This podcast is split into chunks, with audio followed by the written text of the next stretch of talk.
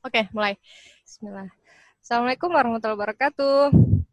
Uh, kita kembali lagi bersama Yuli dan Ella setelah lama channel ini ditinggalkan ataupun podcast ini ditinggalkan karena sibuk dengan channel masing-masing. uh, selamat datang hari ini kita tidak cuman berdua ya Bu, ada ada tamu nih, ya guest star. ada Bu Susi. Nah, Bu Susi ini uh, silakan Bu Yuli diperkenalkan dulu tamu kita. Oke ya, jadi uh, hari ini kita ya tadi ya kedatangan tamu, alhamdulillah. Kemudian saya kenalkan namanya Bu Dr. Susi Fitri M Konsling ya Mbak. Iya. Ya. Kemudian MSI Konsling. M ya. Kemudian beliau adalah korprodi S2 Bimbingan Konseling UNJ. Wow. Jadi uh, kalau ada tambahan lagi beliau adalah tempat curhat saya ya. Jadi Gratis gak tuh Bu? Bayar gak tuh? jadi pas banget lah pokoknya jadi konselor ya karena uh, apa namanya dengan konteks kondisi saat ini saya pikir uh, apa namanya sangat pas ya khususnya nggak cuma buat saya gitu ya jadi jadi dosen ataupun artinya juga buat semua orang plus khususnya juga buat mahasiswa kita ya dengan segala kondisi yang ada saya pikir uh, banyak hal yang perlu kita bahas uh, khususnya pada masa saat ini gitu. Ya, silakan Bu Ella. Uh, kita akan membahas tentang uh, apa namanya? Mungkin bahasa bahasanya Bu Susi itu resiliensi ya, Bu.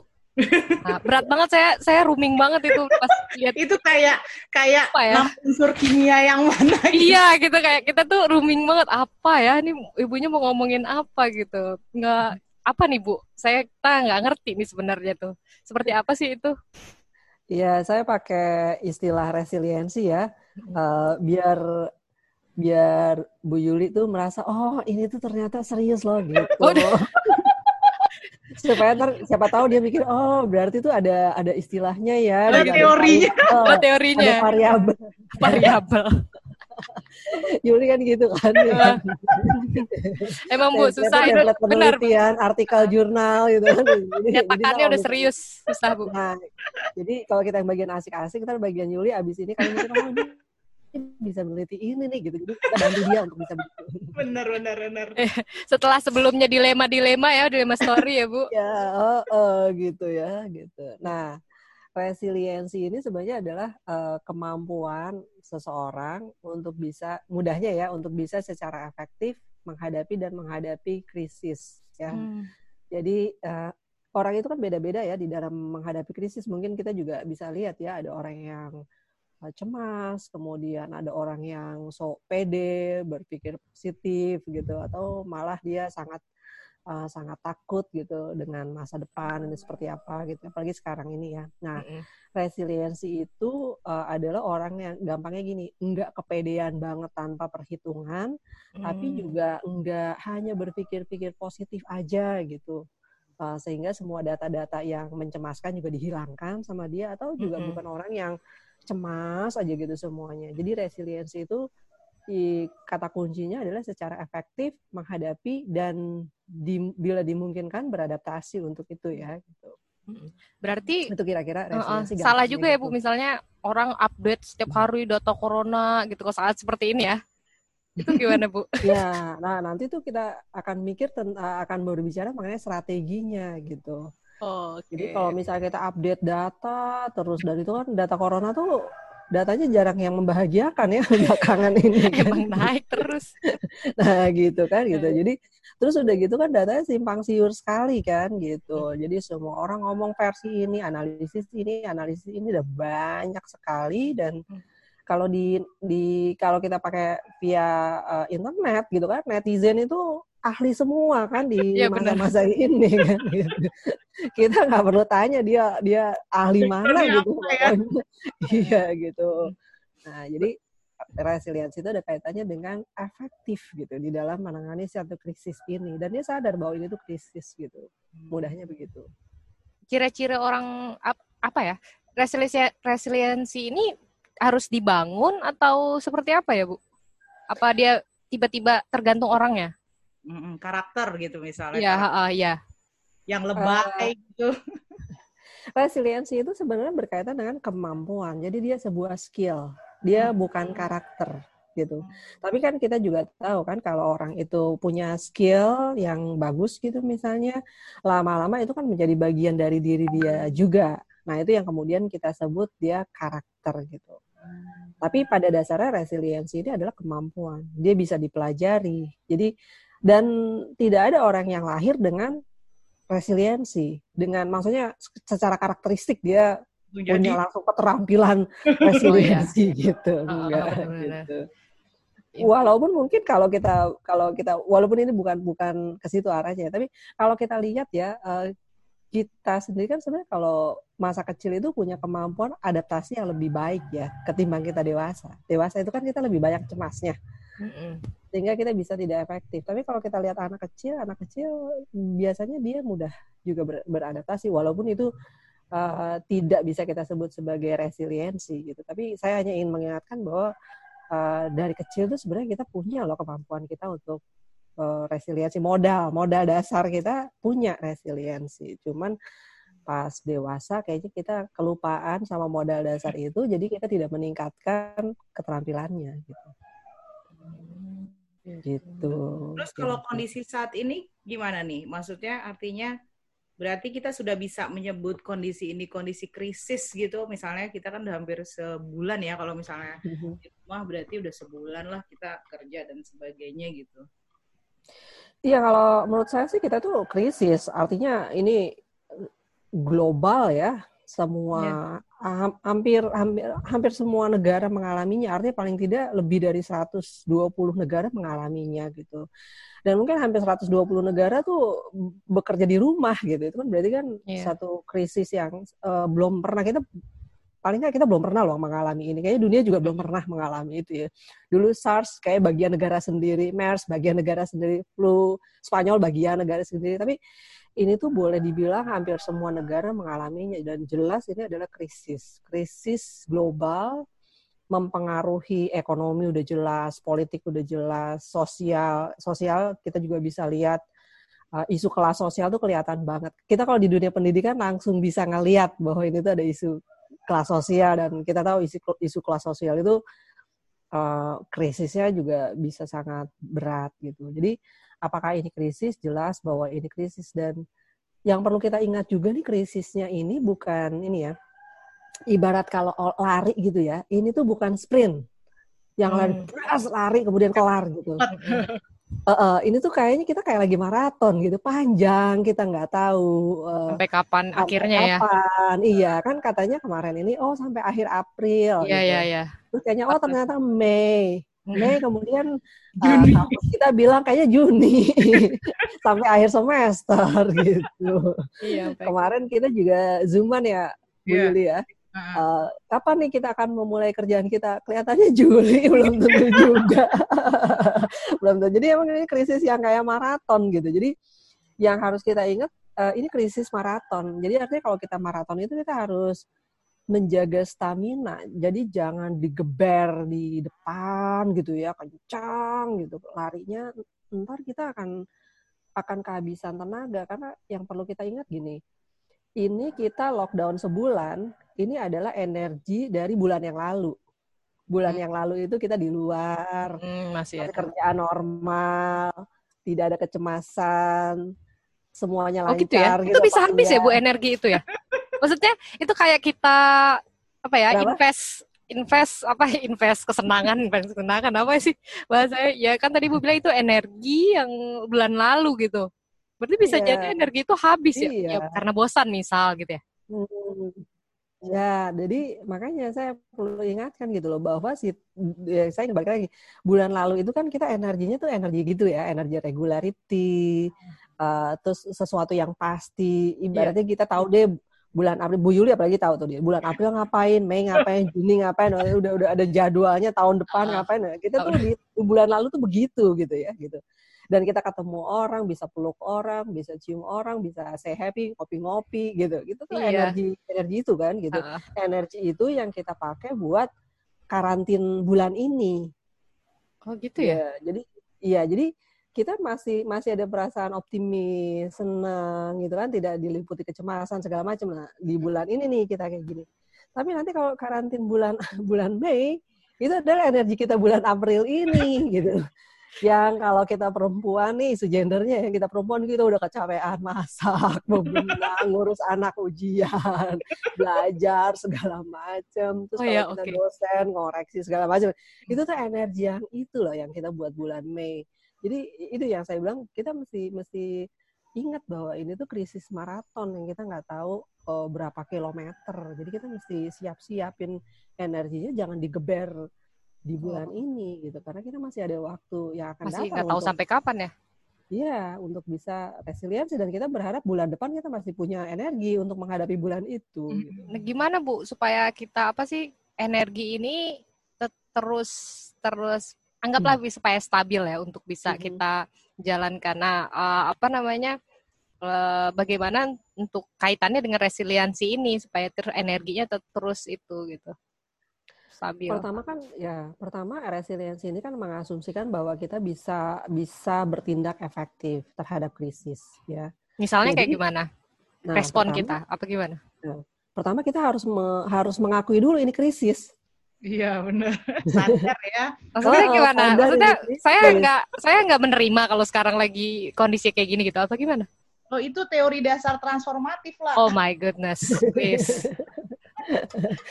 Jadi kayak gini. Gimana? Kita, ya, kita kan banyak ya melihat orang yang nggak menyadari bahwa ini krisis. Jadi dia merasa bahwa hidup reguler seperti biasa, yang suka spending spending tetap spending spending, oh, yang kerja begadang tetap begadang gitu ya. Ya, ya, ya, ya. Uh, kemudian menganggap bahwa ah ini sebentar kok, ah ini ya, ya. bahaya kok ini kayak kayak gitu itu. Oh gitu. Itu orang yang nggak nggak menyadari bahwa ini krisis kan. Uh, uh, uh. Hmm. Karena kalau dia nggak menyadari ini krisis, artinya dia nggak merasa bahwa dia perlu ada persiapan apa-apa. Contoh deh misalnya gitu ya, uh, saya tuh banyak banget dapat dapat keluhan gitu ya, sebagai buat orang yang kerja. Uh, kita tuh banyak banget rapat gitu, rapat ini, rapat itu zoom, zoom ya, capek banget itu. Iya, gitu. Lama lagi ya. Iya, nah itu kan berarti kan sebenarnya kita masih ada semacam denial bahwa ini tuh krisis. Kita berpikir bahwa kita bisa normal, kan normal gitu, hidup dengan normal. Padahal kita nggak, kalau kita sadar krisis ya, pertama dia krisis, artinya kita harus hidup tidak dengan kebiasaan yang yang biasa. Oh, gitu. Jadi artinya apa? Kalau karena kondisinya tidak biasa ya. Karena kondisinya tidak biasa hmm. gitu.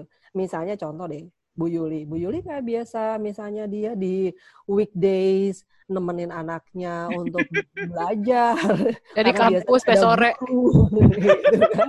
Ada guru uh, juggling between kelas dia sama kelas murid apa anaknya gitu itu kan uh, hal yang tidak biasa kan tapi kita sering kali hmm. ingin seperti biasa gitu kita hmm. rapat banyak kemudian kuliah ngasih tugas juga banyak banyak koreksi ngasih tugas banyak banyak kan artinya kita koreksi juga masih banyak banyak iya benar benar gitu, gitu jadi hmm. kita masih menyadari ini krisis dah hmm. apa artinya krisis kalau krisis kan artinya situasi yang tidak biasa dan kita harus tahu ini tidak biasanya apa gitu Hmm. Apa artinya kalau kita masih ber apa beraktivitas seperti normal itu apa artinya kita tidak menerima keadaan krisis ini gitu, Ma, saya juga nggak bilang bahwa oh kalau gitu nih oh, nggak normal sama Denial. sekali, nggak juga gitu uh. ya, karena itu berarti kita takut gitu di situ. Tapi uh, dalam dalam resiliensi itu artinya gini, kita harus menyadari bahwa ini krisis, maka ke, kalau saya ingin punya regularity, punya rutin dalam kehidupan sehari-hari, saya mesti mendata ulang rutinitas saya. Hmm. Gitu. Rutinitas saya kan berbeda dulu, misalnya contoh ya bangun apa namanya pagi-pagi kita langsung cus ke kampus. Nggak usah nyiapin sarapan dulu makan dulu belanja dulu gitu ya. Kayak kayak gitu langsung cus. Gitu makan siang tinggal pesen. Kayak kayak gitu nggak usah masak lagi segala macam. Jadi iya, artinya apa? Tentu aja akan ada rutin rutinitas pasti. Dan itu dibutuhkan juga untuk resiliensi ya. Dalam resiliensi kita butuh juga kegiatan rutin agar kita punya power ya, tetap punya kekuatan, tapi yang harus kita sadari adalah rutinitas kita itu harus ditata ulang. Hmm. gitu sesuai dengan kita mau ngeluarin energinya berapa banyak nih gitu karena ini maraton kayak gitu kan. Mana Bu Yuli melakukan perubahan pada regul regulasi lagi tuh. Kalau, aku ngerasanya kayaknya Nah, juga ada tugas Sadar tambahannya sih, nggak normal Kita gitu. kayaknya Banyak kegiatan rutin kita. ngabisin energi ya. Iya, heeh, gitu. Jadi itu eh, pertama itu dulu gitu. Itu yang dimaksud dengan eh, kita sadar krisis gitu. Jadi sadar krisis kalau kita sadar krisis, sadar i- ibaratnya gitu kalau penelitian, sadar baseline. Ini kan baseline baru nih gitu. Hmm. Baseline-nya apa nih? Saya harus punya rutin apa? Punya rutin kerjaan, punya rutin rumah tangga, dan kalau dua-duanya itu harus saya lakukan, saya akan me- menjaga rutinitasnya seperti apa? Ditambah kita membutuhkan self care lebih banyak saat ini. Misalnya Karena gimana tuh? kitanya juga kan cemas. Oh. Pertama gini, kita cemas. Du- Dulu misalnya kalau kita ke kampus ya Bu Yuli ya, kalau kita ke kampus kita nggak ada kecemasan. Kita tahu kita rutin gini Uh-uh. gini gini gitu. Tapi corona ini kan akan membuat kita juga berpikir gini, saya bakal kena nggak ya? Iya, ada Kalau saya kena, eh, nanti saya gimana? Pertama, saya akan berobat dengan cara apa? Apa keputusan yang saya ambil?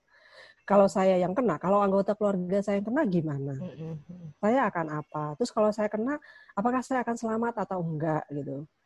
Misalnya eh, saya sendiri gitu ya, dan beberapa teman saya mulai ngomong nih sama pasangan gitu ya, bahwa oh eh, misalnya contohnya gini, ini ada orang ngutang sama gue si, si ini sini sini, eh, di Iya. sini di sini sini. Terus kalau password password bank, password apa, udah kasih tahu gitu, in case dalam situasi krisis kita nggak bisa ambil keputusan untuk diri kita sendiri kan gitu. Jadi kita tuh ada kecemasan-kecemasan seperti itu. Nah, apalagi kalau kemudian juga ada kecemasan ekonomi kan, Iya. gitu. Jadi kitanya sendiri cemas untuk urusan ekonomi, untuk urusan rutinitas, untuk urusan kesehatan gitu. Jadi eh, kita juga harus ngelihat bahwa ini ada kerjaan rumah tangga, ada kerjaan-kerjaan kantor, terus juga diri kita sendiri tidak berada dalam situasi yang normal, dalam seperti biasa gitu. Ada beberapa keputusan-keputusan kritis yang bisa jadi harus kita ambil. Itu kan spare energi sendiri kan, kayak Iya. gitu. Nah, itu yang harus kita juga pertimbangkan. Jadi, pertama kita harus sadar itu, sadar ini krisis. Krisis itu artinya apa? Perubahan rutinitas, perubahan uh, loading kerja, kemudian juga perubahan psikologis kita bahwa kita harus sadar kita cemas. Karena kalau kita nggak sadar kita cemas, kita bisa aja merespon dengan cara memproyeksikan kecemasan kita, tapi kita nggak sadar. Misalnya kita lebih cranky, lebih mudah cranky, Hmm. lebih mudah kesel, lebih mudah tersinggung, Sensitif, misalnya itu kan sebenarnya adalah proyeksi dari kecemasan-kecemasan kita, kayak gitu. Atau kita juga lebih sensitif dengan respon orang, kayaknya orang tuh lebih gimana sih sama kita gitu. Itu bisa jadi orangnya begitu, atau kitanya Iya, juga berada dalam situasi yang more vulnerable kan gitu. Nah jadi jadi itu. Nah, nah pertama itu gitu. Jadi sadar situasi krisis, situasi krisis siapa. Nah, yang kedua adalah kita harus melihat kembali kekuatan diri kita. Hmm. Kita itu punya kekuatan apa sih? Jadi bukan sekadar berpikir positif situasi kita, bukan gitu. Tapi Iya, ya. saya ini secara secara real gitu, kekuatan saya tuh apa aja? Misalnya Gitu. gimana? Kekuatan saya apa? Misalnya, apakah saya orang yang mudah cemas atau enggak? Apakah saya yang eh, saya mudah untuk bikin rutinitas atau enggak? Hmm. apakah saya uh, mudah lupa atau enggak sekarang tuh karena kita udah mulai yang mulai capek kita mulai ini saya sekarang bikin ginian nih saya kasih tahu ya list urus 2 NJ dan ini ada urusan Ini rumah lupa ya karena nggak tahu nih nggak bisa dibedain ya. Iya, betul gitu Urusan gue aja. Iya. Bisa Prodi, jadi Prodi. iya gitu. Soalnya kita zooman kemudian mesti masak gitu ya. Maksudnya, suami saya bebenah gitu. kemudian nanti dia minta apa kayak kayak gitu kan. Jadi artinya apa? Kita masih kekuatan saya apa? Oh saya itu saya biasa rutin tapi saya mungkin karena situasi saya kayak gini saya cepat lupa gitu. Oke. Nah, jadi kita harus lihat kekuatan-kekuatan real kita. Jadi bukan bukan hiburan-hiburan berpikir positif, tapi real duduk saya tuh punya kekuatan apa. Dan di masa lalu kalau saya berada dalam situasi krisis, saya itu gimana sih respon-responnya? Kalau saya menghadapi orang yang lagi marah sama saya, saya tuh gimana sih? Kalau menghadapi orang yang saya cemas, gimana sih? Nah, Jadi salah satu hal yang penting dalam resiliensi adalah kita lihat kekuatan-kekuatan kita itu seperti apa, ada nggak? Dan dan ini bisa tricky banget ya karena kalau kita cemas atau depresi kita cenderung untuk nggak ngelihat kekuatan-kekuatan kita gitu. Ya, Apalagi kalau banget ya. Kenapa? Kayaknya kalau udah depresi kan kita merasa pokoknya kita udah suffer, menderita banget orang lain. Iya, menderita sendiri lagi. Sendiri aja. Oh, oh, itu paling sedih tuh. yang menderita. Kesendirian iya. itu sedih banget. Eh, salah ya. Nah. iya, nah itu gitu. Nah, apalagi kalau misalnya kita ngomong tentang mahasiswa ya. Ya ini makanya kalau kadang mahasiswa itu masalahnya Bu dia tidak tahu kekuatannya. Nah dia kesulitan dia dalam nah. apa ya mengidentifikasi kekuatan, mengidentifikasi sebenarnya masalah saya apa sih kadang kayak gitu. Jadi mahasiswa ini kadang seperti itu. Itu gimana tuh baiknya? Iya, memang. Ini tuh mahasiswa kita itu enggak ada enggak ada krisis kayak begini aja mereka uh, punya Krisis. problem kan tentang iya. itu ya. Pertama umurnya kan. Iya. Oh, iya ada yang namanya apa Bu? Quarter life crisis itu ya? Ya, quarter iya, life crisis. Oh iya iya. 20-an. Iya, iya. Emerging adult ya gitu. Oh my goodness. Saya nggak ya. ada kayak gitu-gituan dulu. Adanya itu aja ya. Adanya apa kimia gitu. Tadi pagi saya baru ngobrol sama suami saya tentang apaan? Endorfin karbon dioksida gitu kan CO2 HO2 Dalam kayak eh, gitu rooming ya nah. melupakan saya tuh sampai batas itu doang sih kimianya sehari-hari banget itu makanya tadi pagi tuh saya tanya mas suami saya gini gitu kamu kalau misalnya bernafas kalau inhale itu menyerap apa ya ampun tadi dipikirin amat Nah, tapi kalau misalnya exhale, exhale itu kita keluarin apa? Yeah. Itu belum tentu orang bisa jawab loh sebenarnya. Masa? iya, apa kalau exhale keluarin apa? Iya, CO2. nah, itu mungkin orang kimia baru ngerti. kita tuh selalu, selalu belajar kan cuma saya kita menghirup oksigen. Mm -hmm.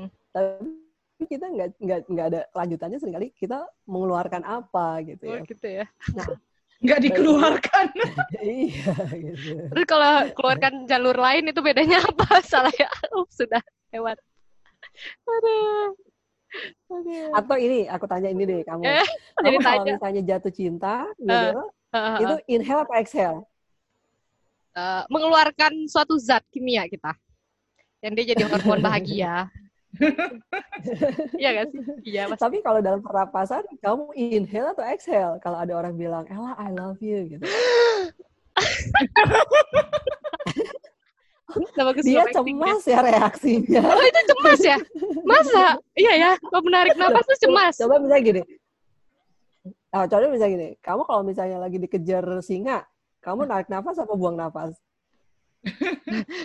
malah keluar narik nafas lari emang itu mempengaruhi ya maksudnya maksudnya mengidentifikasi kita cepat atau enggak dari menarik nafas atau mengeluarkan nafas lucu banget sih ibu jangan nih bercanda deh ini beneran kan nih itu ada ilmunya sendiri tentang bagaimana oh, ya? kita bereaksi terhadap bagaimana nafas kita, cara kita bernafas bereaksi terhadap situasi psikologis kita. Oh gitu ya. Misalnya kalau iya, kita kalau kita kaget, misalnya kalau kita kaget, tarik nafas kan? Iya. Coba yeah. kalau misalnya kita ada yang bilang, Ella, I love you, kamu gitu kan? Aneh. Salah berarti reaksinya tadi. salah, salah reaksi. Retake, retake. Jadi stres terus. Iya gitu. Jadi cara bernafas juga akan mempengaruhi kita itu akan stres terus atau enggak gitu. Hmm. Oh, tapi balik lagi nih ke mahasiswa ya tadi kita udah ngalor ngidul ngalor ngidul. Nah mahasiswa kita itu enggak krisis aja seperti tadi Ella bilang kesulitan untuk mengidentifikasi kekuatan-kekuatannya. Hmm. Karena kan mungkin mereka di dalam di dalam pengasuhan kita kan dalam pengasuhan kita tuh kita lebih banyak untuk disebutkan kekurangan-kekurangan kita kan daripada kelebihan-kelebihan kita. Iya, kebiasaan. Sekolah juga uh, di lebih sering dilihat kekurangan-kekurangan kita daripada kelebihan-kelebihan kita gitu. Jadi anak-anak tuh biasa ngelihat kelebi kekurangan-kekurangannya. Coba tanya deh mahasiswa kalau ditanya apa kekurangan kamu, mereka tuh bisa loh tulis cepet. Cepet. Gitu. Dosen juga tuh kayak gitu tuh. Banyak list gitu ya Tapi kalau misalnya disebut apa kelebihan kamu, itu tuh mereka mikirnya lebih lama. Hmm. Itu. Nah, itu akan beresiko ketika dalam situasi krisis kayak begini. Ketika resiliensi itu membutuhkan informasi mengenai diri kita sendiri, kita tuh kelebihannya apa gitu. Kelebihan kita apa? Kelebihan dalam merespon apa? Kelebihan secara uh, emosi apa? Kelebihan dalam mengolah informasi memilih informasi, misalnya apakah saya sejenis orang yang dapat broadcast di WA group langsung di share share, apakah ya, saya ya. bisa bisa nggak saya memilih dan memilah mana yang masuk akal dan enggak berdasarkan data atau enggak, itu kan juga kelebihan-kelebihan diri kan. Terus apakah saya juga cenderung untuk bisa uh, apa ya being gentle to myself gitu bahwa saya bersedia untuk uh, vulnerable, saya bersedia untuk oke okay, yang ini saya nggak bisa kerjain, bersedia untuk uh, me, me, menghitung oh, iya. ulang apa yang saya maksud, uh, saya saya inginkan, harapan-harapan saya itu kan juga bagian dari uh, kelebihan-kelebihan. Kadang kita itu ya Bu Yuli mahasiswa kita tuh ada yang apa namanya dia itu kayak memaksakan diri ya misal kayak apa untuk tugas apa dia nggak punya kuota sampai bahkan memaksakan diri sampai pinjam wifi tetangga ataupun apa gitu misalnya gitu jadi apakah itu termasuk yang dia tadi nggak being gentle dengan oh yaudah saya nggak bisa ngerjain ini atau gimana gitu bu? Tapi yeah. itu juga bagian, tapi itu juga mereka bisa jadi kayak gitu karena mereka juga dipaksa kan? Yeah. Iya. Uh, sama nah, dosennya misalnya kayak gitu ya harus ini harus itu. Sementara dosen itu coba coba kita bayangin ya dosen yang nggak ngerti bahwa ini tuh krisis dia merasa ini reguler gitu ya rutin oh, tidak ada iya. perbedaan jadi memang semua orang oh. maksudnya dosen, mahasiswa dan memang semua orang harus menyadari ini benar-benar krisis dan di luar apa ya benar-benar kebiasaan gitu ya bu ya.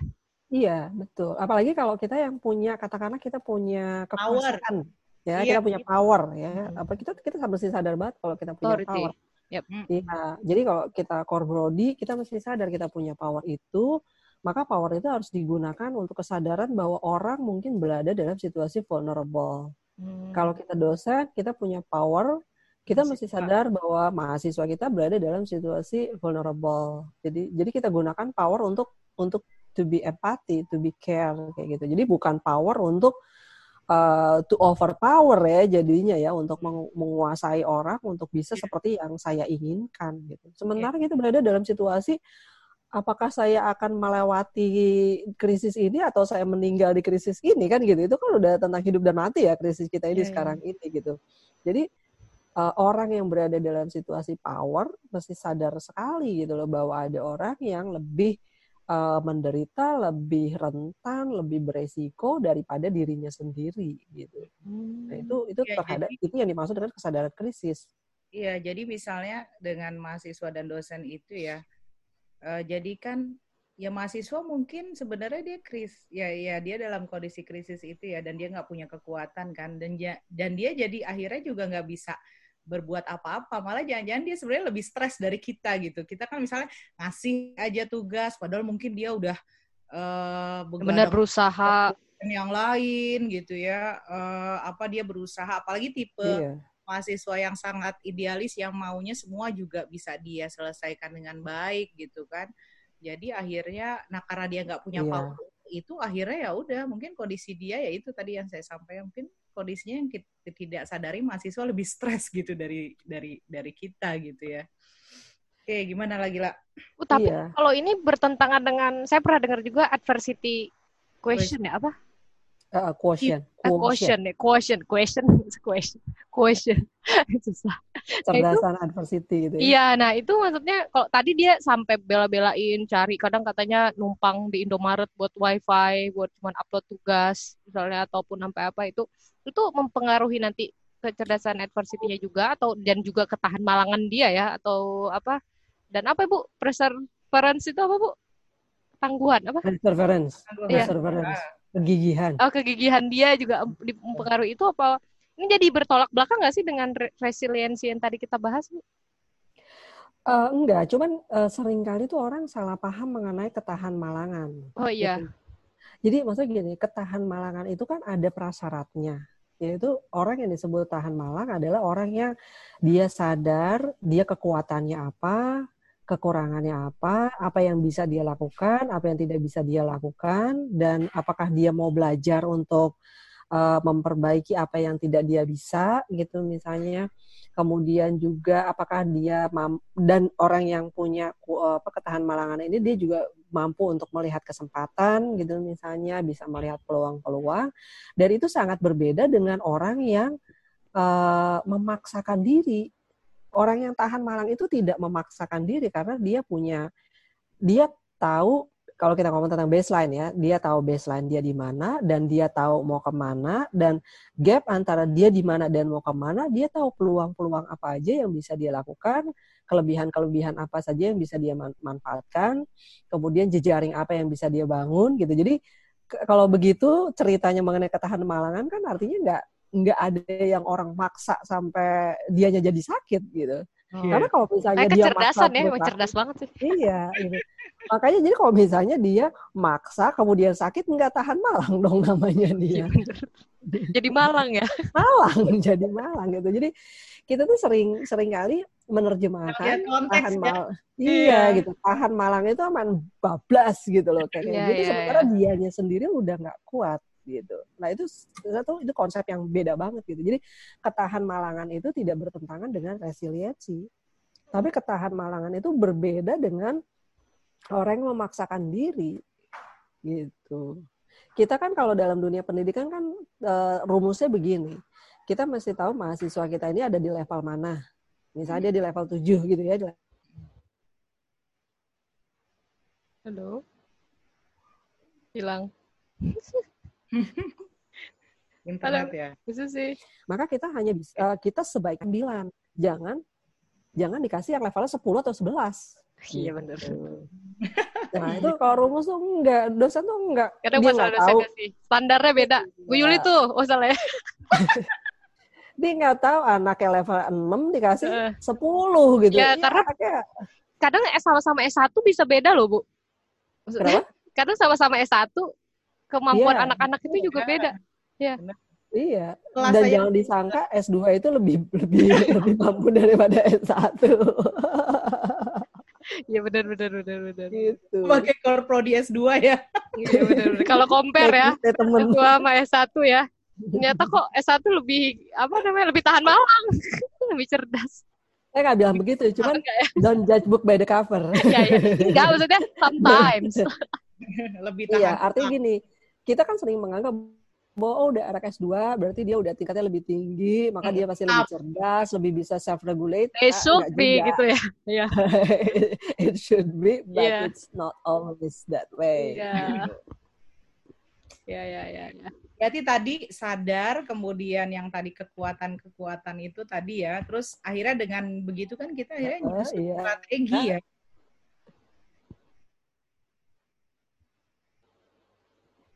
Halo? Halo? Iya, jadi kita bisa membuat rencana yang realistis. Satu hmm. tingkat atau dua dua tingkat. Halo? Ya. Dengar Ya. ya. Halo? Ya. Masuk, Oke, okay, ya. Ya. Jadi kita harus membuat rencana yang realistis. Rencana yang realistis apa? Artinya rencana yang dua satu tingkat atau dua tingkat di baseline kita gitu. Hmm. Jadi misalnya kayak balik lagi kayak level saya tuh sebenarnya level kecemasan saya tuh ada ada tuh di level 2 misalnya gitu. Maka artinya saya nggak terlalu cemas. Maka saya bisa membuat rencana-rencana yang uh, level 3, level 4 gitu. Level oh. yang lebih lebih tinggi over uh, melewati kecemasan saya gitu. Kadang Tapi bisa, ya bisa. rencana yang sampai 10. Kadang bisa gini gak sih Bu? Misal oh saya saya sebenarnya nggak cemas sih dengan kayak gini corona corona tapi eh ternyata suka sakit perut eh suka sakit apa gitu maksudnya mungkin nggak. Maksudnya secara pemikiran kita merasanya nggak itu tapi fisik kita tuh responnya ah, ah ya. Gimana tuh bu? Tiba-tiba marah-marah. Iya benar benar benar kayak gitu. Atau ternyata ya, stres dengan tekanan kita tugas itu... tapi kita ngerasa oh, enggak aku nggak stres gitu. Iya karena kan kita bisa denial. Eh, itu ya itu termasuk denial ya pikiran kita kan bisa denial iya kan artinya gini manusia itu kan makhluk yang cerdas. Nah, termasuk cerdas untuk denial. Dan juga cerdas untuk bikin alasan-alasan. Iya. Semakin cerdas seseorang, alasannya makin canggih kan iya, iya, gitu. Iya, betul juga sih. gitu. Nah jadi emang bener bisa aja kita secara pikiran tuh kayaknya ah enggak gue gak berasa cemas, enggak gue berasa ini, gak berasa ini, ya bisa jadi. Tapi kalau misalnya kemudian reaksi psikologisnya nggak sesuai dengan ketidakcemasan. Artinya gini, kalau orang nggak cemas itu apa sih secara psikologis ya? Hmm. Kalau dia nggak cemas kan berarti dia tenang. Hmm. Jadi kalau misalnya ada orang marah dia tenang, kalau ada orang cranky sama dia dia bisa tenang, kalau misalnya ada keputusan yang mendadak harus dia buat dia bisa berpikir dengan jernih, kan itu kan? Dia nggak sakit perut, dia nggak pusing, nggak migrain, hmm. nggak nggak pengen makan, nggak kebanyakan tidur, ah itu tuh gitu. Orang tenang. Mentionnya mirip semua ya, mentionnya mirip semua bu. Tanda-tandanya tidur, kebanyakan makan, nggak bisa tidur, iya. insomnia, eh Nah itu gitu. Kalau misalnya merasa ah nggak apa-apa tapi insomnia gitu, nah itu berarti mungkin kan kan gini ya manusia itu gini. Kalau manusia itu nggak bisa berbicara lewat pikirannya, maka uh, dirinya akan berbicara lewat tubuhnya kan. Gitu. Oh. Jadi iya, pertama-tama kita penting banget tuh menyadari tubuh kita, sadar tubuh gitu ya pertama-tama gitu. Karena tiap kita sakit apa tuh ada ada penanda psikologisnya. Misalnya kalau sering migrain, sering back pain, mah, uh, asma itu kan sebenarnya penyakit-penyakit yang relate ya, sama katanya stres apa ya, gitu-gitu ya. Gitu. ya ya benar. Iya. Jadi gitu. Jadi gimana Bu strateginya Jadi supaya bisa, kita kalau misalnya kita punya itu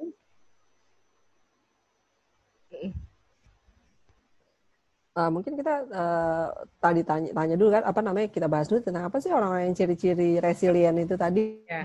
ya pertama itu tadi. Pertama dia punya sadar tentang kemampuan-kemampuannya kekuatan-kekuatannya dan juga dia sadar tentang res apa ya uh, resiko-resiko dia gitu. Jadi uh, dia nggak semata berpikir positif untuk menghibur diri tapi dia dia kalau dia beresiko dia sadar dia resiko.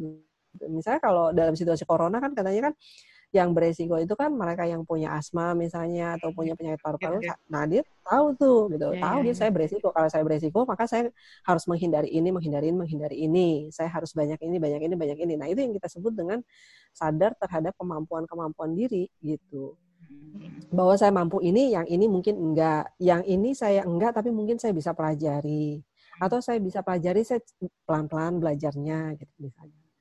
Nah, kemudian uh, kalau dia bisa begitu, maka kita akan masuk ke ciri yang kedua, yaitu dia bisa membuat eh, rencana-rencana uh, yang realistis gitu, yang sesuai dengan kemampuan dia, konteks dia, situasi dia, peluang-peluang yang mungkin gitu ya. Uh, juga misalnya apakah uh, ada hal-hal yang bisa kita dia kendalikan atau tidak. Kalau nggak bisa dikendalikan bisa nggak mempengaruhi gitu. Saya nggak bisa mengendalikan tapi saya bisa mempengaruhi orang yang bisa mengendalikan gitu misalnya. Hmm. dia juga tahu gitu hal-hal kayak gitu. Dan terutama tuh resiliensi terutama dalam situasi krisis ini kan pertama-tama kita akan menghadapi emosi ya. Hmm. sebelum yang lain-lain tuh kita akan berhadapan dengan emosi gitu Nah, orang yang resilient itu dia mampu mengelola emosi-emosinya dan juga impuls-impuls yang kuat. Impuls-impuls yang kuat tuh misalnya uh, apa ya? Kadang-kadang itu kan kalau kita cemas, kita tuh berpikirnya ke masa depan. Ya, overthinking, over worrying gitu nggak ya, sih? Iya, misalnya kayak mahasiswa, misalnya mahasiswa saya nih, misalnya gini. Pertanyaan yang sekarang lagi ngehits banget ya. Apa tuh? Aku bisa lulus nggak sih mbak tahun ini gitu. saya bisa lulus nggak sih semester ini gitu. Nah, oh iya kalau di BK harus manggilnya mbak ya atau kakak? Umumnya, ya iya. umumnya gitu. Lah dong aku ya manggil Bu Susi ya. nah, jadi pertanyaan yang ngehits banget tuh ya, yang udah baru sempro tuh, saya bisa lulus nggak ya semester ini gitu. Kalau nah, saya mau lulus ya semester lagi. ini tuh gimana tuh? Kalau mahasiswanya Bu Yuli beda lagi. Bu, saya harus lulus semester ini. nah, gitu gitu. Dan harusnya itu ke korpornya bukan ke dianya gitu. nah, itu kan mereka tuh galau gitu. Iya. Nah, itu gimana tuh? Berarti Terus koreksi dosen sedikit galau. Koreksi sedikit galau gitu. Iya. Nah, itu, itu gimana tuh? Mereka tidak Iya, artinya kan mereka tidak bisa mengelola impuls kan gitu. Oh, Baru dikoreksi saat Seharusnya respon yang diberikan oh. kalau bagus tuh gimana? Kan artinya gini, pertama ini contoh kalau misalnya kita ngomong tentang corona dan skripsi ya. corona dan tugas akhir. Oh, kayaknya judulnya ini aja ya, corona dan tugas akhir. Fix. iya gitu ya. Jadi corona dan tugas akhir misalnya kayak gitu ya. Pertama ini masa corona. artinya gini, ini masa karantin, pasti ada situasi-situasi yang yang kita bisa nggak bisa gitu. Bisa nggak bisa itu baik, bisa nggak bisa secara teknis, bisa nggak bisa secara psikologis gitu. Hmm. Atau misalnya juga secara praktek sehari-hari. Misalnya gini, uh, kalau biasanya kita kerja di kampus, nggak usah di apa di direcokin katakanlah dengan kerjaan-kerjaan rumah ini mahasiswa gitu. Misalkan dia yeah. dibintang ngerjain ini ngerjain ini eh, bantuin adiknya bantuin ibunya bapaknya segala macam gitu. Dengan kerja waktu di kampus pasti kan situasinya beda banget tuh. Apalagi kalau kita lihat bisa rumahnya nggak dia nggak ada ruangan ruangan private ya untuk bisa berpikir kayak kayak gitu ya. Padahal nulis tugas akhir itu kan butuh banget berpikir yang yang yang tenang gitu ya misalnya. Nah jadi pertanyaan tentang saya bisa lulus nggak ya? Nah, saya biasanya tinggal jawab, saya jawab aja, ya kamu bab satunya udah kelar belum? Gitu. juga. Ya, pengen lulus, bab satu belum kelar. Benar juga itu. April. Oh itu sering bu kayak gitu. iya gitu. Jadi ngomong aja. Uh, nah, Gak ada intinya. Iya. Dan itu kadang-kadang kan dosen juga kalau misalnya dosennya lagi cemas, dia kesel kan gitu. Jadi apa sih nanya-nanya kayak gini kapan lulus? Ya, padahal kalau misalnya dia bisa mengelola emosinya ya, dosennya tinggal nanya aja kamu bab satunya udah benar belum? Iya benar benar benar. Bab duanya udah belum. Iya. Gitu. Kadang kita tersulut ya. Kamu ini aja belum gitu. iya gitu. Padahal tinggal ditanya aja ini iya, bener, belum, bener. ini udah belum. Gitu. Oh kadang ada bu yang me memang kadang ditanya aja jadinya lagi marah bu ini uh, apa namanya uh, saya sudah dikoreksi belum? Kamu nanya terus ibu lagi sibuk. Misalnya gitu. Ada juga ya bu? Respon-respon yang kayak gitu gitu. Iya. Soalnya juga mahasiswa kadang-kadang kan juga gini misalnya ya. Dia baru baru, baru ngasih hari ini. Ya hari lagi nanya. Besoknya lagi dia udah nanya. Pagi-pagi. Iya gitu. Mbak ya, saya udah ngasih revisian nih kapan? Tadi pagi. Nanya terus jam 3 sore ditanya. Kayak makan obat sehari tiga kali.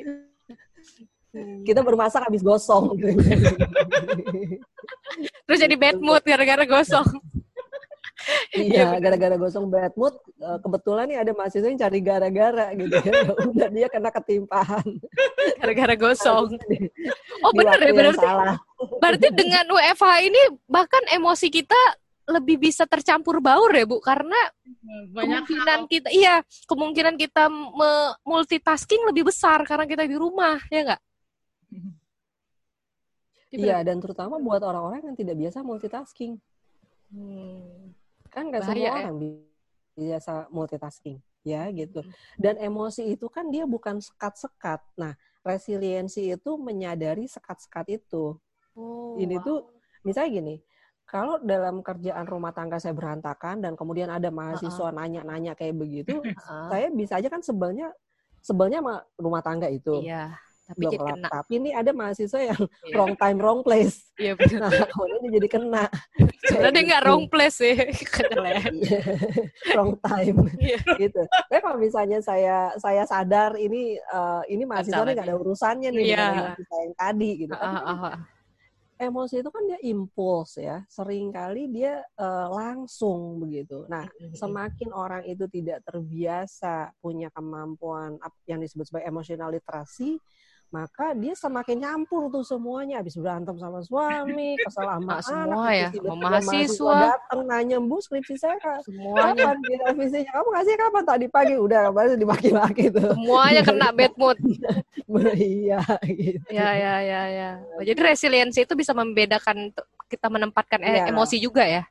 Sadar tentang kalau saya kesal ini kesalnya kesal sama apa Hmm. Dan apakah saya akan memproyeksikannya atau enggak? Gitu. Oh ya sering ya Bu, kadang kayak gitu. Kadang kita nggak tahu ya. kita kesalnya sama apa. Iya, betul. Ya. Itu bahaya banget itu. Iya, saya, sebenarnya saya, iya benar Bu, saya saya melakukan melakukan merasakan pernah melakukannya. Jadi saya kesel sama beberapa orang gitu, terutama orang terdekat biasanya yang kena sahabat ataupun apa ya. Jadi saya kesel sama dia, padahal saya nggak tahu saya kesel sama siapa ataupun sama apa gitu. Bahaya. Bahaya ya gitu ya. Kayak banget. Halo Bu Susi, masih ada di udara? Halo? Iya, karena kita itu kan nggak belajar literasi emosi masa pengasuhan ya. Iya. Masa pengasuhan nih, misalnya kita waktu masih kecil, kita berantem sama adik kita misalnya gitu kan. Uh, uh, uh. Terus ibu kita kan nggak nanya, kamu rasanya gimana? Kamu merasa apa? Oh gitu ya? Kita nyalain aja langsung. Merasa marah, merasa kesel, merasa sedih, kecewa, hmm. cemas, menyesal. Iya, kamu tuh berantem mulu sih sama adik kamu gitu. oh. Gitu nggak? Jadi ya gitu. Oh, berantem iya, mulu iya. sih. Oh, jadi kita gitu. harus mengajarkan bahwa dia harus bisa mengidentifikasi emosi dia sendiri ya? Iya, karena kan itu bagian oh. dari literasi emosi. Artinya orang semakin dia semakin dia punya bahasa emosi, semakin dia tahu dia bahasa em, uh, emosinya apa. Mengenali emosi adalah prasyarat untuk bisa mengelola emosi kan gitu. Hmm. Tahu tahu itu emosi gimana gitu. Dia bisa membedakan contoh yang yang di kita tuh sering kali nggak bisa bedain. Marah dan kecewa, sedih dan menderita misalnya, luka dan kesepian, itu kan sering kali kita nggak punya kita nggak hmm. terbiasa membedakan itu. Nah jadi anak-anak yang yang terbiasa ditanya. Jadi kalau anak-anak biasa ditanya misalnya dia ada peristiwa apa tanya kamu rasanya apa yang kamu rasakan? Hmm. perasaan kamu apa? Nah itu kita mengajarkan literasi emosi. Nah kalau anak-anak udah bisa aku marah aku sedih aku kecewa aku ini aku ini nah dia bisa kemudian uh, kita membantu dia untuk melihat responnya tepat atau enggak Misalnya dia sedih, responnya kok kayak marah.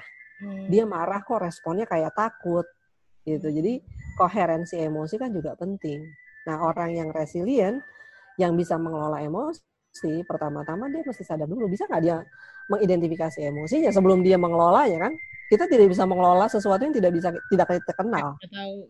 Bahkan yang kita tahu aja kita nggak bisa mengelola. Saya sih nggak bisa. Saya, iya, iya, misalnya saya kerja dengan seseorang, saya milih tahu. saya kerja ya, misalnya saya, iya, ya, oh, oh iya, iya benar. Oh saya sering, maksudnya kadang misalnya ya, saya nggak suka dengan apa yang Bu Yuli lakukan, misalnya kayak Bu Yuli capean atau apa misalnya gitu ya. Tapi saya kesel nih Bu gitu. Tapi maksudnya saya nggak bisa mengontrol diri saya supaya cepet selesai kesel itu gitu. Iya, karena kamu juga gak bisa bilang kan sama Bu Yuli, Bu saya kesel dengan saya apa bisa bilang kadang Bu, kadang. kadang saya bilang sih Bu, uh, ya kalau saya nggak suka kalau kayak gini gitu, jadi.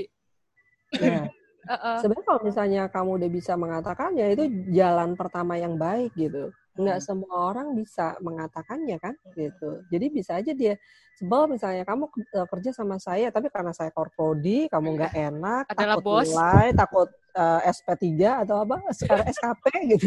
Ada ya? SKP oh, iya di bawah sembilan. Kok aku nggak gitu. takut ya? Kamu mungkin belum sadar oh, iya konsekuensinya. Iya benar Waduh bahaya nih kayak koprodi kayak gitu misalnya orang itu too powerful untuk kamu bantah gitu misalnya oh, gitu okay. itu kan juga susah kan gitu uh-uh. kamu sementara kamu kesal banget gitu sama dia tapi kamu nggak bisa mengekspresikannya atau bahkan ada kalanya juga kita nggak sanggup untuk mengakui perasaan itu hmm. misalnya kayak dalam konseling gitu ya banyak sekali sebenarnya konseling-konseling saya itu tidak bisa mengidentifikasi perasaan marah mereka sama orang tuanya karena begitu takut jadi anak durhaka. Oh, gitu. itu ya? values gitu ya, ada values iya. gitu. Iya, jadi misalnya kayak orang tuanya hmm. sangat abusive gitu dan uh, dia nggak bisa ngelihat bahwa itu adalah kesalahan orang tua karena kalau kita mengakui bahwa kesalahan itu adalah salah orang tua, kita jadi anak durhaka, maka kemudian akhirnya mereka banyak sekali yang melakukan uh, ini marah ke dalam yaitu self blaming kan. Iya, iya. Itu kan membuat mereka nggak bisa mengidentifikasi perasaan. Nah, mereka yang terbiasa dengan emosi yang mix kayak begini yang nggak bisa mengidentifikasi dan kemudian oh. juga jadinya nggak bisa mengelolanya karena nggak punya keterampilan untuk itu hmm. jadi akan beresiko di masa krisis ini karena mereka tidak memiliki satu ciri penting dalam resiliensi yaitu mampu mengelola emosinya dan mengelola impuls-impulsnya. Keren Berapa banget sih, aku nggak pernah belajar kayak gini kayaknya ya. Oh, kayaknya nggak pernah belajar ya aku sih suka ya daripada belajar kimia terus. Salah ya? Iya maksudnya, uh, apakah pendidikan kita sekarang itu ya mengajarkan untuk hal yang kayak gini nggak sih bu? Maksud saya kayak anak me, apa me, me, mengekspresikan emosinya dalam mengidentifikasi karena kalau saya kecil ya maksudnya emang karena saya jauh dari orang tua juga ya saya hmm. saya memang menulis diary gitu kan ya memang tapi nggak terbiasa hmm. mengungkapkannya tadi perasaan emosi gitu gitu Iya, saya pikir sih uh, pertama gini, apakah uh, sekolah kita mengajarkan tergantung guru BK-nya. Kalau guru BK-nya bagus dia pasti ngajarin. Waduh. penting tuh ya. Karena BK. saya nggak pernah ngerasa guru BK tuh penting. Eh maaf ya, maksudnya karena kayaknya apa ya? Saya nggak ada yang saya ingat kayaknya dari pelajaran guru BK. Uh, kalau aku yang ingat guru BK cuma nentuin, eh kalau udah besar mau jadi apa? Udah selesai. Iya benar atau pemilihan penjurusan ya kan? Iya? Ya, itu doang. Jadi saya nggak pernah belajar maksudnya dapat insight oh harus seperti ini ya gitu ataupun baru sekarang saya berpikir ini penting mungkin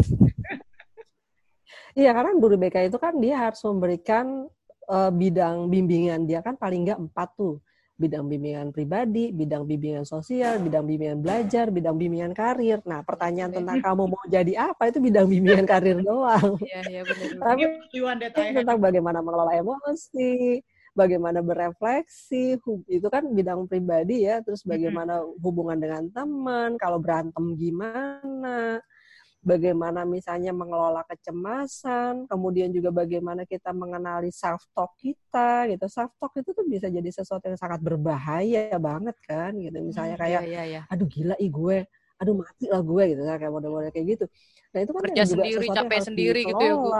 Iya gitu. Nah biasanya kalau guru BK yang sadar tentang bidang bimbingan tuh mereka akan punya apa ya balance gitu antara uh, pembahasan mengenai pribadi, pembahasan mengenai sosial, bidang belajar, bidang karir gitu. Mereka uh, cenderung balance gitu. Itu kalau di BK. Tapi Halo. Halo, Mbak. Bang. Kita kembali ke Kita sebenarnya pembelajaran mengenai kesadaran tentang emosi, bisa merencanakan. Ya, halo. Yap. Ya. Halo? Ya. Hmm. Misalnya kimia deh, kita belajar kimia. Misalnya ada satu bahasan mengenai kimia gitu. Guru kimia tuh pernah nggak nanya gini, kamu baca judulnya perasaan kamu gimana tuh baca judul itu? Yang ditanya perasaan. Oh saya nanyanya, iya. ya nanyanya apa yang kamu pikirkan? Bukan nah perasaan. itu, iya, nah itu kita sering kali kan ngomong tentang apa yang kamu ketahui tentang itu, iya. apa yang kamu pikirkan tentang itu. Tapi kan beberapa pelajaran juga ada mencemaskan kan? Iya. Bahkan sampai misalnya pelajaran writing sendiri, contoh misalnya writing ya, writing itu ada ada isu uh, isu kesehatan mentalnya, makanya ada istilah writing anxiety, math anxiety, itu saya nggak tahu tuh chemistry anxiety ada apa enggak, hmm. ya gitu. Pasti. Ah, coba kita nggak pernah tanya tuh gitu. Uh, gimana perasaan kamu menghadapi bahan yang ini gitu? Sesusah apa? Atau misalnya bahan yang kemarin nih yang kita pelajari, bagaimana perasaan kamu terhadap pelajaran kita yang sebelumnya? Apakah itu mengecewakan kamu? Apakah itu menggembirakan kamu? Apakah itu memuaskan kamu? Sebenarnya kita bisa mengembangkan identifikasi perasaan juga di pelajaran-pelajaran kita. Atau kita uh, biasanya kalau saya gitu kuliah suka suka tanya perasaan gitu. Misalnya kayak bagaimana perasaan kamu ketika kita membahas mengenai isu kelas sosial misalnya. Nah, biasanya mahasiswa akan kelas sosial tuh agak lebih menakutkan bagi mereka ketimbang misalnya isu gender. Isu gender lah exciting gitu ya, mm-hmm. uh, apa menarik gitu. Tapi isu kelas sosial takut menyinggung, takut ini, yeah. takut ini gitu. Jadi ada ada kita bisa bisa melakukan itu. Nah, dengan cara begitu kita membantu uh, murid kita juga untuk resiliensi. Kalau misalnya mereka bilang ini bahasan ini mencemaskan buat saya atau bahasan ini tuh memuaskan buat saya, bahasan ini menggembirakan buat saya, itu kan satu data penting ya buat kita sebagai dosen. Iya, benar. Nah, saya juga biasanya juga punya cara untuk mengetahui perasaan mereka dengan judul. Misalnya kayak, ini kita akan ngomong masalah ini nih. Nah, kamu sendiri uh, akan memberi judul apa? Judul kalau dia adalah lagu gitu. Kalau pelajaran kita sekarang ini adalah lagu lagu ini kamu judulnya apa? Dari situ tuh kita bisa identifikasi tuh perasaan mereka apa. Contohnya menarik gitu. banget ya. Kita nggak bisa kayak gitu kayak Bu ya? Enggak sudah melakukan. Kalau oh, ya? iya. Misalnya lagi topik apa how do you feel? Terus representing by picture gitu. Dia kirim gambar. Jadi shock juga kadang ngelihat picture-picture yang anak-anak kirim ya, ya Allah ternyata itulah kondisi mereka. Misalnya kita tanya bagaimana perasaan kamu tentang UAS, misalnya hari ini aku kasih surprise UAS gitu. Terus mereka bilang, kasih surprise UAS. Wah mbak mentang-mentang April jadi April begini ya. Gitu, gitu. UTS, UTS ya, UTS kan sekarang UTS. Aku nggak kasih tahu dulu minggu depan UTS ya nggak pokoknya tiba-tiba hari ini UTS gitu. Wah udah terkejut. Terus aku bilang aku nggak mau ngasih tahu kamu supaya kamu gak galau. Ya yeah. sok pengertian. Padahal nanti nilainya E misalnya kita strateginya gitu, tapi dari sini kita bisa lihat. Uh-uh. strategi jadi yang apalagi tadi uh, itu kan kita ngomong tentang ciri-ciri ya. Yeah. Sekaligus juga sebenarnya kita udah ngomong tadi strategi, misalnya membuat rencana yang realistis adalah hmm. strategi. Kayak kalau rencana yang realistis misalnya tadi gitu, ada ada kalian mungkin dalam situasi kayak gini kita nggak bisa mengingat segala macam hmm. gitu. Nah strateginya tuh seperti tadi tuh kita catat, terus kita bagi-bagi, kita tulis kayak hmm. gitu. Oh kalau mahasiswa misal hari ini tugas ini, upload ini, upload yeah. ini gitu ya? Iya gitu.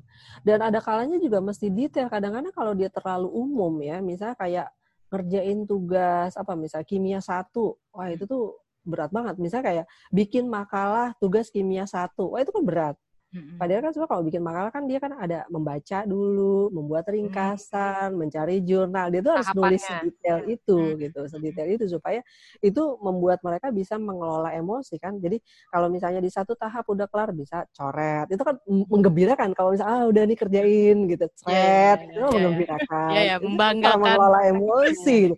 Yeah. Tapi kalau misalnya ngerjain makalah itu bisa seminggu nggak dicoret. Ya coret-coret, ya benar-benar ya, saya menikmati mencoret itu sih. Iya benar. Jadi listnya jangan besar-besar ya. Iya benar. Biar di breakdown lagi. Contohnya gitu gitu. Oh iya iya benar Bu.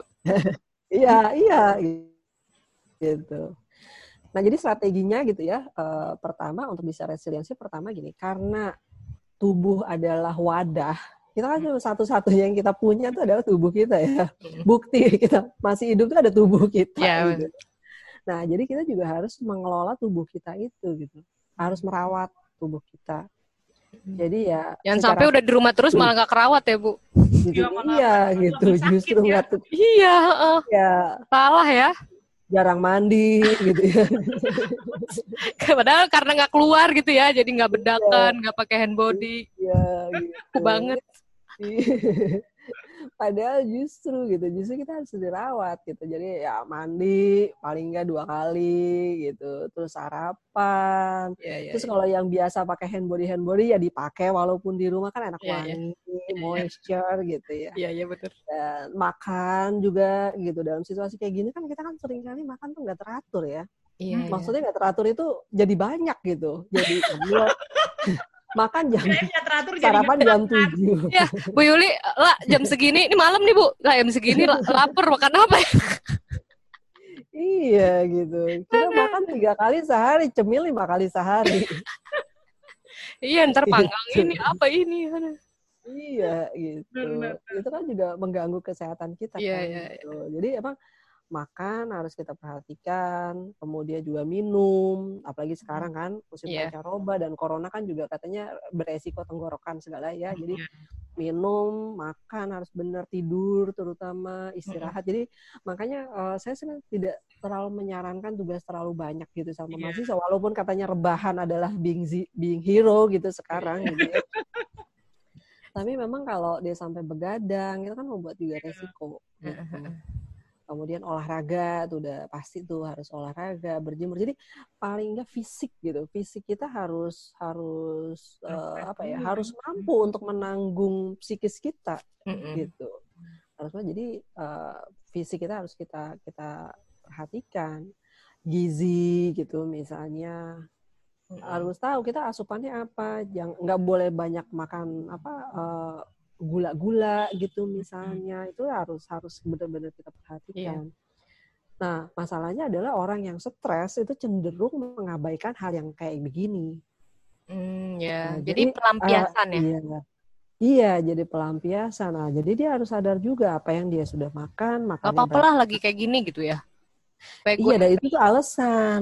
Iya, supaya gue happy. Hmm. Tapi kalau sakit nggak happy gitu kan. Iya, benar-benar. Itu pertama tubuh benar-benar Nah, kemudian juga hadapi sumber stresnya. Misalnya kalau di rumah itu kan sumber stresnya banyak ya.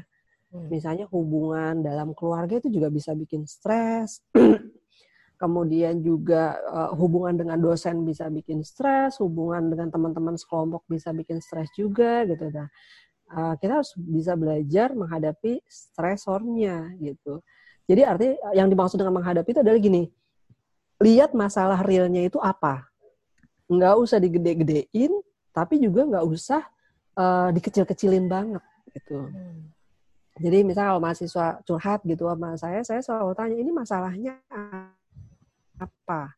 Misalnya dia cerita masalah dosen, oke dosennya ngomong apa, ngomongnya gimana, terus kamu sendiri responnya apa, kenapa kamu berespon begitu, menurut kamu itu responnya tepat atau enggak, apakah itu dibesar-besarkan atau enggak, gitu. Jadi uh, apa ya menghadapi stresor dengan data yang sebenarnya itu yang saya sebut dengan di sini dan sekarang. Problemnya tuh apa sekarang gitu. Jadi nggak usah bawa-bawa sejarah lagi, pelajaran sejarah udah lewat jadi problem dulu-dulu ya diungkit-ungkit. Ya. Nah, gitu. Misal kalau kita di rumah kan Mama banget tuh biasa diungkit-ungkit. Gitu. Mama dan kakak-kakak gitu. Oh, iya. gitu. Lalu juga kayak gitu dulu gitu. Oh, iya, iya, dulu iya. gitu. Sekarang tuh apa? Iya, iya, gitu. iya, iya. Sekarang tuh masalahnya apa? Konteksnya gimana? Dan juga eh, kita tuh harus bertanya gini, apakah dia sengaja atau enggak? Nah, kadang-kadang kita suka lupa tuh. Apakah orang itu misalnya ada orang sumber stres kita gitu ya, melakukan itu sengaja atau enggak. Yang bikin kita tapi banyak orang kan sebenarnya melakukan tindakan yang menyebalkan buat kita, dia nggak sengaja. Iya benar. Hmm. Nah kita dia nggak tahu gitu. bahkan gitu. Maksudnya kalau itu membuat kita kesal gitu. Sengaja gitu.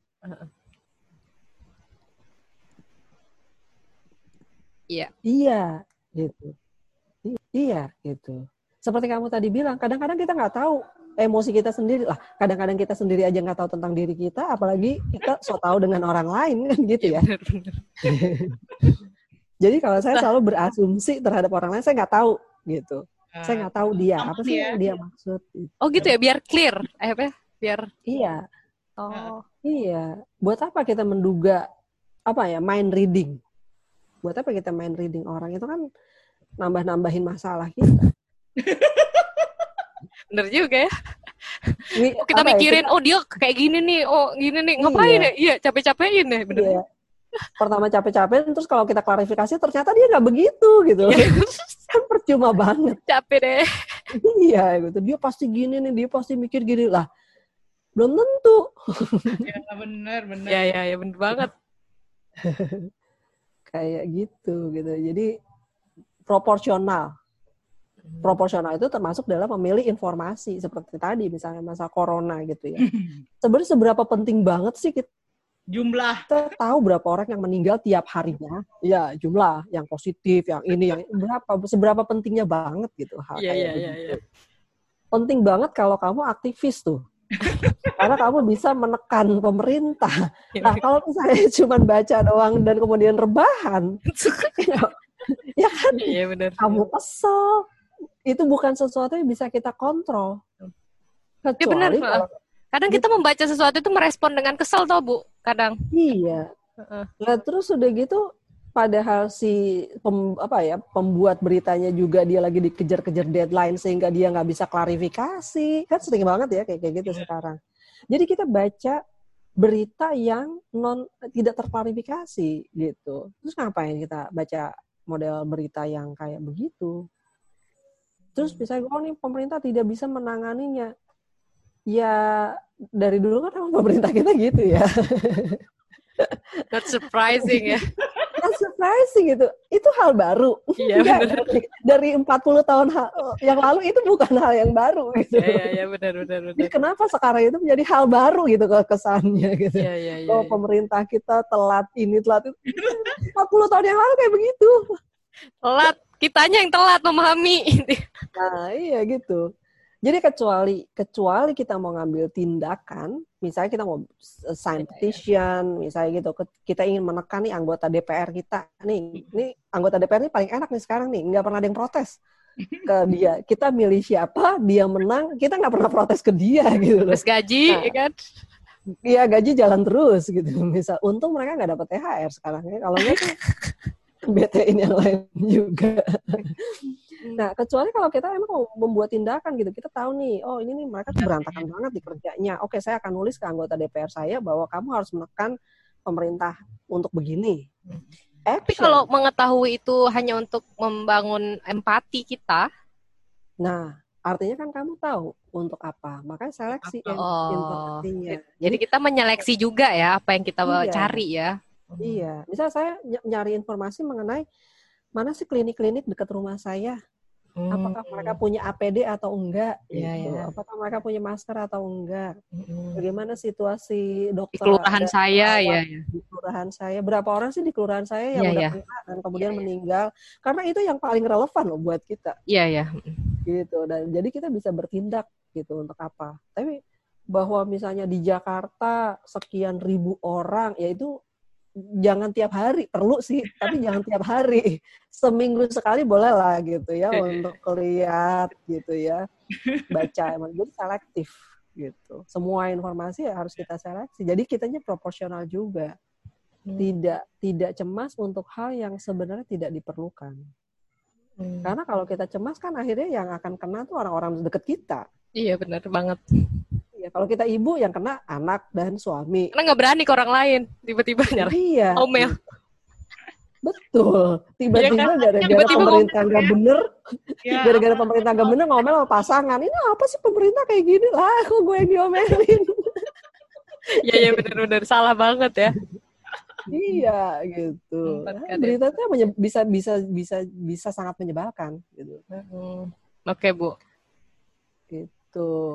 Nah kemudian juga kita harus bisa memperhatikan respon cara kita menyelesaikan diri. Gitu.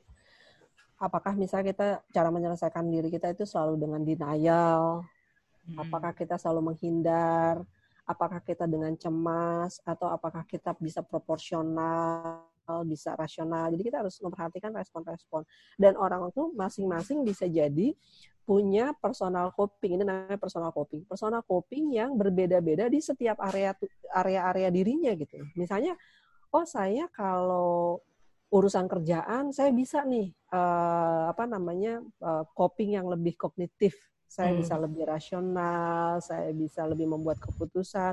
Tapi giliran di area personal tuh saya nggak bisa mungkin. Mm-mm. Saya lebih cepat marah, saya lebih cemas, saya lebih itu. Kita tuh harus tahu bedanya. Iya Kayak iya gitu. iya. Bagaimana cara kita menyelesaikan, bagaimana kita coping dengan situasi seperti itu supaya nggak itu tadi. Saya susah semua sih kayaknya. Saya personal salah kerja susah semua. Berarti kamu punya kesempatan untuk belajar. Baik banget. Ya benar-benar benar bu. Tahu. Nah, juga yang perlu tuh strategi yang lain ada kelilingin dengan orang-orang yang suportif Hmm. gitu. Jadi orang-orang yang suportif, yang bisa mendengarkan dan kita perlu ber- berusaha menjadi orang yang sama gitu sama mereka. Iya. Jangan jangan kitanya pengen didengerin, pengen suportif giliran orang cerita itu kita cer- lagi cerita tentang diri kita sendiri lagi gitu. Nah, jadi kita juga perlu bisa belajar kayak gitu gitu. Dan nah ini ka- karena gini, kita itu nggak ada kewajiban untuk menyenangkan semua orang. Hmm. gitu. Nggak Ya. wajib. Ya nggak ada kewajiban untuk itu. Kita kita perlu baik sama orang. Tapi apakah kita harus juga merasa eh, tidak apa ya tidak membatasi diri dengan orang-orang toksik ya enggak kita harus punya boundary juga. Kalau orang-orang itu toksik buat kita termasuk misalnya anggota keluarga kita kita Mm-mm. perlu juga boleh membangun boundary sama Hmm. mereka Iya iya. ada batasan gitu. Mungkin kalau setiap ngobrol, setiap ngomong berantem terus, Ya. ya berarti jangan jangan terlalu sering ngobrol. Iya iya. Jadi itu nggak apa-apa. Ya membuat boundary seperti itu tuh nggak apa-apa. Self care ya, Sama- self care. Iya self care gitu. Jadi eh, juga perhatikan terutama medsos. Ya Hmm. sebenarnya kan orang yang penting dalam hidup kita itu kan ring satu tuh. Hmm. Ya, keluarga kita tuh ring satu tuh. Hmm. Termasuk ring satu juga kan sahabat-sahabat kita kan. Mm-mm. itu gitu jadi kita harus harus tahu tuh harus tahu siapa yang kita anggap sebagai keluarga-keluarga kita mau keluarga uh, family of origin maupun family by choice teman-teman kita kan family by choice nah kita harus tahu siapa family kita itu orang yang paling paling penting gitu buat kita. Nah, sisanya ring duanya siapa tuh? Kolega-kolega kita misalnya, orang-orang yang kerja sama kita. Jadi jangan di harus ada ringnya. Siapa ring satu kita? Siapa ring dua kita? Sisanya siapa yang di luar gitu. Nah, orang toksik ini ada di mana? Kalau orang toksiknya itu ada di ring lima, ngapain amat kita ngabisin waktu sama mereka? kalau dia medsos delete delete aja unfriend gitu kalau yeah. takut silaturahmi oh iya iya benar saya pernah baca tuh ada artis yang dia unfriend ataupun unfollow yang lain-lain yang menurut dia dia nggak manfaat tuh akun-akunnya gitu Iya, atau juga begini misalnya, saya juga ada ya uh, teman saya yang kalau saya baca medsosnya itu tuh toksik banget. yeah, iya. Tapi yeah. kalau saya ngobrol secara pribadi, enggak. Bisa ya orang begitu ya? Bisa banyak, gitu. Banyak. Nah, jadi unfollow akunnya, ngobrol secara pribadi sama dia. Hmm, tapi bilang nggak? Eh, gue unfollow lu kan gitu. lebih. bilang nggak? Buat apa? Nggak ketahuan, nggak ketahuan kecuali unfriend. oh gitu ya. I have been doing that. Ngapain kamu? Itu tuh kayaknya ngundang orang ngundang orang ngegampar kamu deh kayaknya. nggak bilang. Tahu banget tahu banget. Yang kayak ini ya kompor gitu ya. Iya kamu ah, delete terus bilang eh lu gua delete ya. Terus dia marah. Itu kamu ngundang orang ngegampar kamu. Oh gitu ya. Oh berarti nggak semua kejujuran itu bagus ya? Maksudnya itu kan hal yang tidak perlu kan? Kejujuran itu kan tidak perlu harus menikam. Oh kadang nggak tahu, eh, lu kok nggak ini, lu hapus, nih saya ada bu, lu kok uh, apa eh bu ibu uh, ng hmm. ngapus nomor saya bu. Saya nggak bisa lihat status ibu lagi kadang gitu. Saya kayak gitu karena karena karena yang nggak ada di kontak saya nggak bisa lihat status gitu-gitu kan. Bu saya nggak lihat nggak bisa lihat ibu ibu marah sama saya bu. Ibu blok saya gitu-gitu ada. Padahal saya nggak emang saya nggak nyimpan nomor dia dari dulu. Tapi dia merasa di blok nah. apa gitu ya sebenarnya kalau misalnya emang nggak nyimpen kamu bilang aja saya nggak pernah nyimpen nomor kamu kita tidak ya. bisa menyenangkan semua orang iya lucu banget ya. tapi nah tapi ya. kalau dia ya, tapi kalau dia mahasiswa makanya kalau buat saya tuh gini yang penting itu di dalam hubung apa kita dengan mahasiswa ya adalah relasi mm -hmm. sejauh mana kita itu punya genuine hubungan yang genuine, hubungan yang autentik gitu. Kalau hubungan kita sama mereka genuine dan autentik, maka ketika kita harus ngomongin sesuatu yang gak enak, itu bisa. Hmm. Uh, ya. Jadi kalau kita nggak punya relasi yang kayak gitu, itu tuh susah gitu. Mm-hmm. Karena akan sangat mudah untuk apa tersinggung, marah yeah. atau mereka down gitu. Yeah, Tapi yeah uh, kalau misalnya kita membangun relasi bahwa saya biasanya marah hanya kepada perilakunya bukan kepada orangnya. Iya, iya. Bahwa saya misalnya juga memaafkan mereka kalau mereka melakukan kesalahan-kesalahan yang tidak disengaja, hmm. yang eksidental, yang kasuistik dan saya juga misalnya memberikan keringanan-keringanan ketika mereka mengalami kesulitan-kesulitan. Saya pikir itu relasi kan dibangun lewat itu. Maka ketika kita mengatakan hal yang nggak enak, misalnya kayak kadang-kadang saya juga ngomong sama mahasiswa, misalnya kamu gimana sih kok kayak gitu kamu kerjainnya? Itu bisa sejauh kita punya relasi yang kayak gitu. Tapi kalau kita nggak punya relasi, kemudian kita ngomong feedback yang negatif, itu mahasiswa entah dia akan marah, entah down, entah mereka tersinggung kayak gitu. Jadi kalau saya gitu prinsipnya kalau dalam rela, dalam kuliah terutama pertanyaannya tuh bukan apakah mahasiswa saya itu akan ngerti pelajaran saya? Bukan itu gitu. Tapi apakah saya bisa membangun relasi yang genuine dan autentik sama mereka karena kalau mereka nanti lulus apalagi kalau mereka jadi guru ya yep, yep, yang yep. akan mereka bawa adalah itu yeah, bukan yeah. pelajaran kita betul, pelajaran betul. kita ya kadang-kadang mereka ingat kadang-kadang enggak kayak betul, gitu betul. tapi oh ini menarik nanti mungkin bahasan selanjutnya bisa itu Ya, oke. Okay. Nah, kayak gitu gitu. Jadi itu dulu gitu. Nah, itu juga akan itu kan juga mem memperlihatkan kepada mahasiswa bagaimana membangun relasi dengan murid. Kalau kalau mereka punya pengalaman memiliki relasi yang genuine dan autentik dengan dosennya, mereka tuh punya contoh bagaimana membangun relasi yang genuine dan autentik dengan muridnya gitu. Dan relasi yang autentik dan genuine termasuk juga ketika kita vulnerable misalnya kayak saya kayak saya bisa bilang gitu sama mahasiswa aduh aku kayaknya belum bisa ngerjain ini nih aku keteteran itu kan sesuatu yang nggak bisa kita bilang sama mahasiswa kalau kita Oh, iya? pengen punya kewibawaan Oh. bahwa kita harus Saya bilang loh, Bu. saya harus Maaf bisa, ya, saya nggak bisa gitu. Saya mau ngoreksi dulu nggak kekejar. Ya saya Iya, bilang, Bu, itu gitu. salah nggak kayak gitu?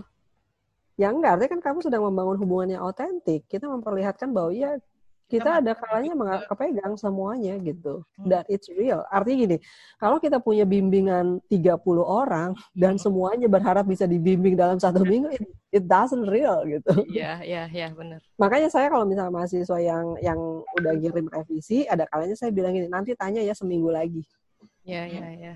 Gitu. Jadi saya nggak kesel kalau pas ke, ke- kejadian kayak tadi, Iya, tapi saya juga nggak kelupaan, gitu kan? Biasanya iya, kelupaan bener. sebulan, Iya, gitu, gitu, Betul, ya, betul, gitu. betul. Nah ada kalanya tuh saya suka bilang nanti ingetin saya seminggu lagi, atau ingetin saya dua minggu lagi karena antriannya banyak banget gitu Oke. misalnya. Iya. Nah ada kalanya saya juga ngomong kayak, eh, Pesan terakhir mungkin, Bu.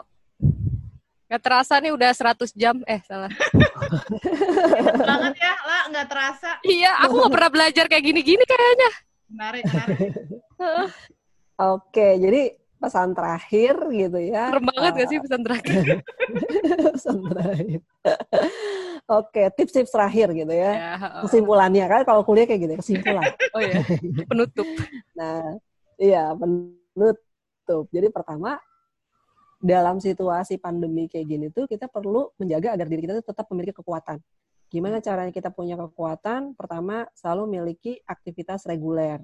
Oke. Jadi tahu rutinitas, ya rutinitas.